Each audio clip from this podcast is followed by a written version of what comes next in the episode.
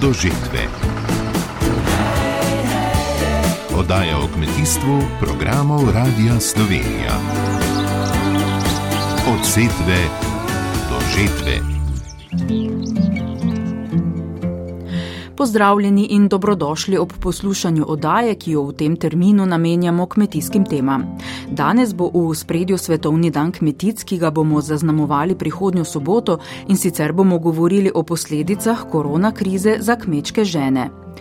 Ker napreduje digitalna tehnologija zelo hitro, tudi v kmetijskih praksah, nas bo zanimalo, kateri stroji so na tem področju trenutno najsodobnejši. Ob koncu pa bomo predstavili še kampanjo za promocijo sadja.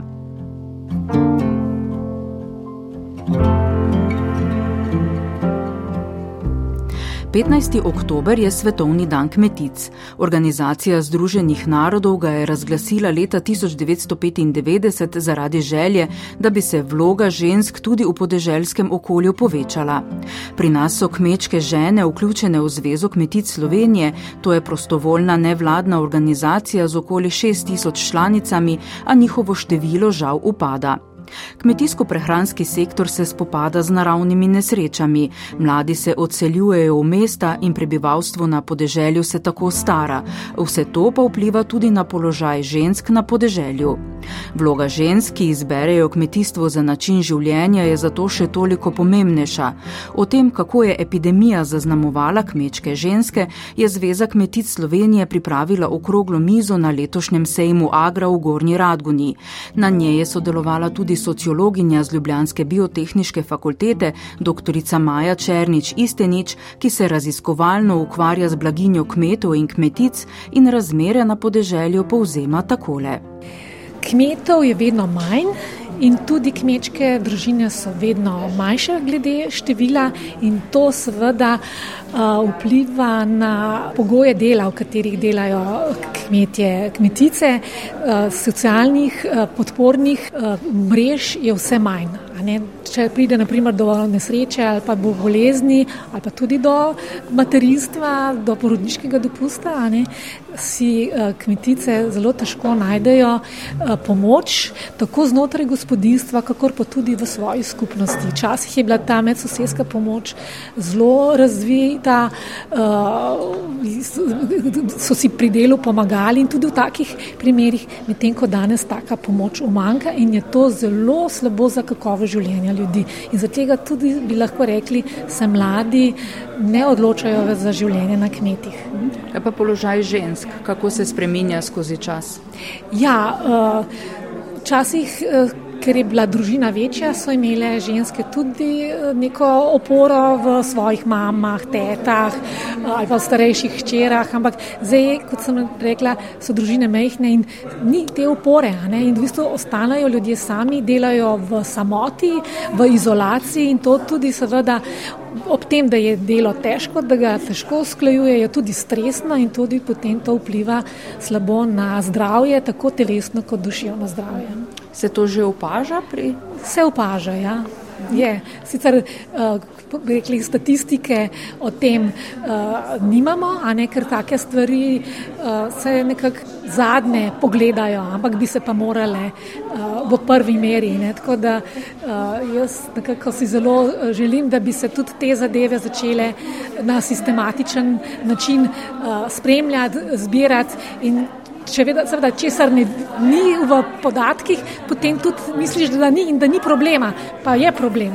Imajo ženske podporo v teh združenjih, v teh zvezah kmečkih žena? Ja, ta društva so zelo pomemben vir pomoči, vendar je pa tudi seveda vprašanje, če se tudi o takih zelo težkih stvarih uh, upajo pogovarjati. Ne. Stigma je zelo močna, uh, ljudje se radi pogovarjajo, da se kaj pohvalijo, če pa imajo težave, pa o teh stvarih ne radi govorijo. In tukaj je treba narediti tudi eno spremembo. Sprememb je veliko, ampak govorimo govoriti o tem, da ti je težko, da rabiš pomoč, o tem se ne govori in o tem se je treba tudi več pogovarjati.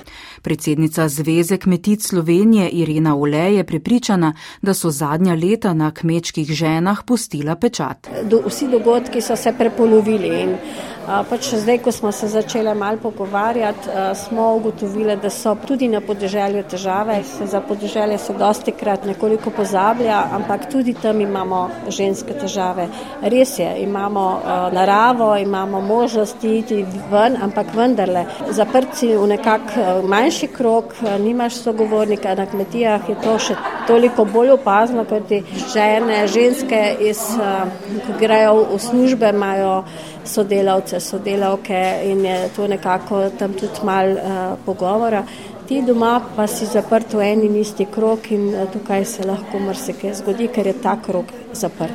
Kljub temu, da je dosti dela, da je tega, uh, jaz mislim, da je ta čas pustil kar precej težav, takih in drugačnih. Uh, mislim, da je tukaj smo res v težkem položaju, ampak uh, Jaz sem vedno bila optimist in želim, da se to nekako mal uh, nazaj postavi, ker uh, se mi zdi, da druženje v naših društvih uh, zvezi je ravno to tisto, da se lahko malo um, sprostiš, malo pozabiš na težave. Uh, marsikateri problem, ki je bil prej zelo velik, postane manjši, ko vidiš, da tak problem imajo tudi druge. In uh, to so tiste socialne, socialne zadeve, ki eh, se rešujejo na teh področjih. Tako, poleg vseh teh naših aktivnosti, ki jih imamo, se to tudi rešuje, ne da bi en sil v to, uh, ampak je to, to razbremenitev. In jaz mislim, da je to uh, ne smemo dovoliti, da uh, upade, ker slišimo tudi po drugih društvih so problemi. Eh, vsa društva v bistvu eh, imajo težave na tem področju in eh, vendarle pa jaz mislim, da to mora biti, sploh pa za kmečke ženske je to zelo pomembno. Tudi Marija Metličar iz Gornjih Jablan se strinja, da smo se znašli v zahtevnih časih. Ker je treba začeti razmišljati drugače, kot smo bili navajeni, ko nam je bilo vse dano. Danes že nas naravne okoliščine prisiljujejo, da začnemo razmišljati v skladu z naravo. In jaz mislim, da edino na tak način se bomo lahko spet malo postavili nazaj, ker če upoštevamo nekatere naravne zakonitosti, vidimo, da se da marsikaj popraviti. Zlatka Strmšek iz Društva žena in deklet občine Hajdina pa povdarja, da spremembe na podeželju zadevajo predvsem mlajše generacije. Prvič, starejše, mi, ko smo starejše, je tako nekje ostalo, tako je. Mlade ženske pa se spreminja dosti, ker večinoma so še v službah. Zelo malo jih je, da so na kmetiji cel dan, ne, da, da tako to pridelajo. In ne vem, drugače je, enostavno drugače, sploh pa še zdaj po tej koroni. Vse se je spremenilo, ni druženja več toliko. V društvih, tako recimo pri nas, imamo samo starejše gospe, e, mladi ne. E, in jaz pravim, da mlade e, tudi težko se včlanjajo v to vse, spoh te, ki so v službah. Ker ko pride služba, ima družino, ima otroke, ima dejavnosti, ima vse, ker je doma je to drugače. Ne? Sploh našo društvo, ki je obmestno, In je to čisto drugače kot eh, recimo malo dalje na podeželju ali pa hribovska kmetija ali pa kaj takega, ker tam so ženske doma in je drugače. Da... Se pravi, odnos se spreminja, podmladka ni ne? Ne, ne, podmladka sploh ne, ne, pri nas ne. Pametno in digitalno. Od setve do žetve. Digitalnih tehnologij je vse več tudi v kmetijstvu in tako je na letošnjem sejmu Agra kot država partnerica sodelovala dežela naprednih tehnologij Japonska. Predstavljena je bila predvsem njihova digitalizacija in robotizacija v vinogradih. Slovenci za njimi sicer zaostajamo, a so naši strokovnjaki vsaj na evropski ravni konkurenčni in to predvsem pri laboratorijskem proučevanju robotike, pri njenem uvajanju v praksu pa nam gre nekoliko slabše. O tem smo se pogovarjali z dr. Jurijem Rakunom z Mariborske fakultete za kmetijstvo in biosistemske vede. Eh, zdaj, kar smo videli v sklopu njihovih predavanj, smo videli, da Japonci delajo predvsem na razvoju um, avtonomnih robotov in pa uporabe uh, umetne inteligence v kmetijstvu. Uh, v obeh primerjih imajo razvite pilotne rešitve, uh, na podlagi katerih upravljajo različna kmetijska opravila.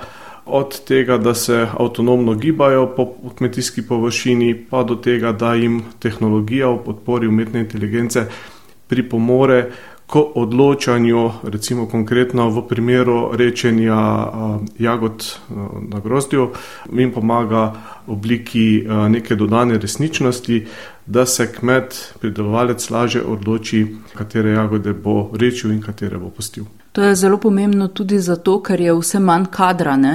ker je vse manj delavcev, delovne sile. So takšni roboti nekako že dobrodošli ne, v kmetijstvu?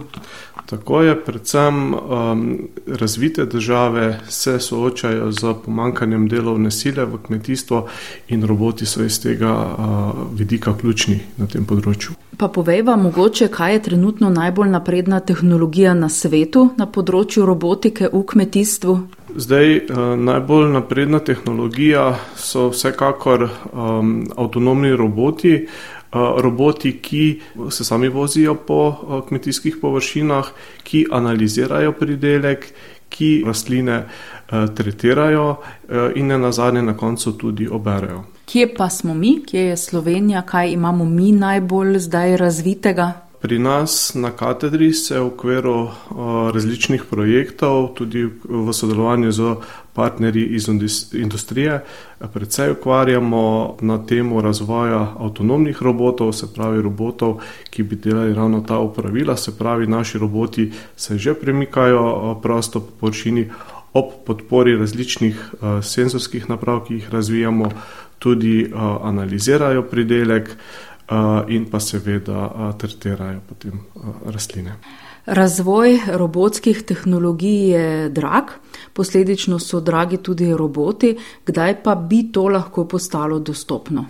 Razvoj sam je definitivno drag, tudi nekako smo v tistih prvih korakih, treba je stvari standardizirati, treba je stvari potrditi, da res zanesljivo, 100% varno delujejo v naravi in se to pač ima nekako svojo ceno. Zdaj, od same uporabe nismo daleč, se pravi, z roboti bi lahko šli na trg v roku, ne vem, leta dveh. Je pa treba te robote narediti takšne, kot sem rekel, da bodo robustni, zanesljivi, vse stransko uporabni, ne samo za eno zadevo in seveda varni. Na katerih področjih v kmetijstvu pa je največ robotike? Omenila sva že vinogradništvo, ne? Ja, na področju vinogradništva se precej razvijajo roboti, ravno iz vidika stroškov, ravno iz vidika potreb po delovni sili. So pa roboti predvsem prisotni tudi v zaprtih oziroma deloma zaprtih prostorih, kot so recimo rastlinjaki, predvsem daleč na tem področju so recimo nizozemci.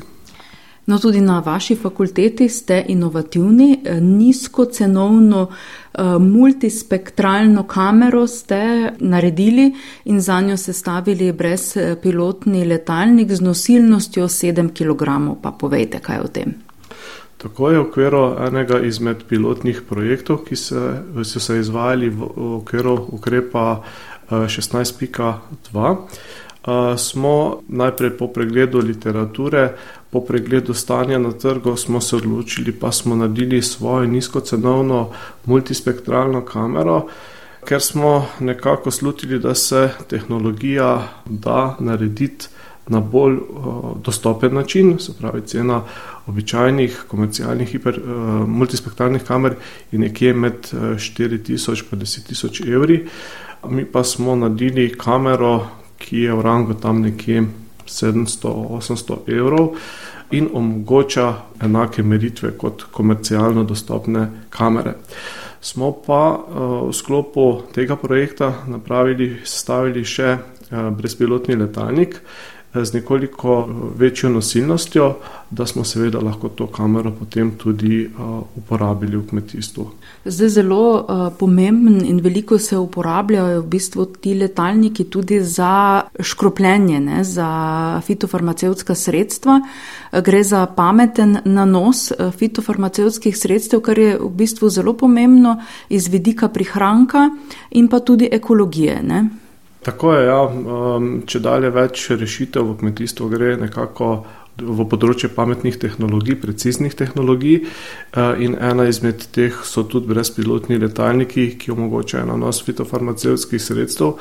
Tudi v to smer na katedri za biosistemsko inženirstvo nekako delamo, sicer ne v sklopu brezpilotnih letalnikov, ampak z razvojem posebnih senzorskih naprav, ki omogočajo zaznavanje krošen dreves, prisotnost dreves oziroma rastlin in na tistih mestih potem pršilnik škropi.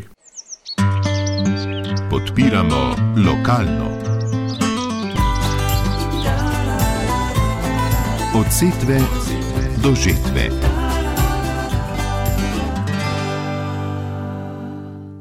Ustavimo se še pri sadju. Ministrstvo za kmetijstvo, gozdarstvo in prehrano je pred nedavnim zagnalo kampanjo za promocijo lokalnih kmetijskih pridelkov in živilskih izdelkov iz sektorja sadja. Prvi val kampanje za promocijo sadja in izdelkov iz sadja z oznako izbrana kakovo Slovenija bo trajal do 30. oktobra. O namenu kampanje smo se pogovarjali s Tomažem Džubanom z Ministrstva za kmetijstvo, gozdarstvo in prehrano. Kampanja se je začela 15. septembra septembra in je v bistvu že uh, drugo promocijsko obdobje za sektor sadja. Uh, namen kampanje je, da v bistvu nadaljujemo osnovno idejo kot v prvem promocijskem obdobju, torej promocija predvsem sadjarstva kot takega, sadja v Sloveniji pridelanega in pa uh, same scheme izbrana kakovost Slovenija. Želimo podarjati pomen lokalne pridelave sadja, eh, pomen izbire lokalnega sadja, tako da želimo nekako potrošnike spodbuditi, da pri svoji izbiri na katerem koli nakupnem kanalu prvo razmislijo, kaj izberejo in da izberejo seveda pravi izdelek oziroma pravo sadje, predvsem tisto, ki nosi znak izbrana kakovost Slovenija. Je poudarek na kakšni vrsti sadja? Ne, kot seveda v vlogi ministerstva in v sodelovanju z slovenskimi pridelovalci in predelovalci sadja je dogovor, da promoviramo sadjarstvo kot tako, vse sadne vrste. Z našega stališča potem tu ne smemo delati nobenih razlik, ker konec koncev želimo imeti zelo pestro ponudbo sadja v Sloveniji. Vemo seveda, da so jabolka recimo, da sadna vrsta, ki se daleč v največji količini pridela, ampak ne na zadnje so tudi ostale sadne vrste pomembne, zato skušamo imeti neko ravnotežje pri promociji tudi sad, na ravni sadnih vrst. No, promocijske aktivnosti spremlja zanimiv slogan: Najboljša ne padejo daleč od drevesa. Ja, tako je. V bistvu se za tem sloganom med vrsticami skriva, če lahko tako rečem, tale lokalnost bližina kar, je, kar v Sloveniji želimo, oziroma sami promociji močno poudariti, kajti imamo ta um, zdaj dan, danes že prestiž, da v tej majhnosti Slovenije imamo veliko raznolikost ponudbe sadnih vrst in za mnoge potrošnike, oziroma za večino potrošnikov v Sloveniji je to vse nekje za vogalom, da tako rečem. In ravno to najboljše ne pade daleč od drevesa. Skuša nekako skriti eh, to sporočilo, da izberemo to, kar je v bližini lokalno. Kaj ugotavljate, kako ozaveščeni so danes potrošniki? Dejansko med samo promocijsko kampanjo skušamo meriti odziv potrošnikov, bodi si na našo kampanjo oziroma eh, na poznavanje, kako dobro so informirani o slovenskem sadjarstvu, o slovenskem sadju in opažamo, da je kampanja, ki smo jo sicer že začeli, tisto prvo promocijsko obdobje se je začelo 2020, so že neki taki pozitivni premiki, predvsem z vidika prepoznavanja znamke izbrana kakovost Slovenija kakor tudi popraševanju po slovenskem sadju. Tako da v tej maniri tudi želimo nadaljevati, kajti če že vidimo nek uspeh v tej komunikaciji s potrošnikom, smatramo, da je to seveda tek na dolgi rok in uh, moramo tu pač biti prisotni in strajati s to komunikacijo. Rekla sva, da je to nekako začetek oziroma drugi del ste rekli kampanje, kako zdaj naprej? Kot ste že v uvodu omenili, imamo zdaj trenutno tako imenovani prvi val, ki traja od 15. septembra do 30. oktobra. Ta val je sicer res bolj namenjen mogoče jabolku kot takim, eh, kajti v vsakem valu skušamo eh, predstaviti oziroma usmeriti pozornost na določeno sadno vrsto. In uh, kot sem prej že omenil, je v dogovoru z sektorjem bila sklenjena odločitev, da gremo v tem valu na jabolka in temu je posvečen tudi uh, 21. oktober, dan jabolk, ko se bo na šestih lokacijah po Sloveniji uh, delilo jabolka iz scheme izbrana kakovost Slovenije in s tem želimo tudi ta neposredni stik do potrošnika, ki je pa nam in tudi samemu sektorju v zadnjih dveh letih, ko smo pač bili nekako omejeni z nakupovanjem in dostopom do kmetov zaradi korone, smo ta dogodek smatrali kot zelo pomemben. Nismo ga pa mogli seveda širiti na vse sadne vrste, ker tudi zdaj dostopnost vsega ni vem, potrošnikom ni možno in uh, ob tem tudi seveda povdarjamo to sezonskost in zdaj so ravno jabolka tista najbolj aktualna. Tako da uh, je to zdaj začetek te naše ideje v promocijskem obdobju. Medtem ko naslednje leto pa bomo skušali nekako izpostaviti še kakšne druge sadne vrste, ampak to je potem uh, proces tega kreativnega dela, tako da se še v tem delu malo odločimo in vsebinsko še ni čisto dogovorjeno. Ob koncu ni odveč ponovno povdariti, da je nakup lokalno pridelane hrane vedno prava izbira. Odajo sva tokrat pripravila Simon Šprajcer in Nataša Kuhar. Pa srečno! Od setve do žetve. Odaja o kmetijstvu programov Radia Slovenija.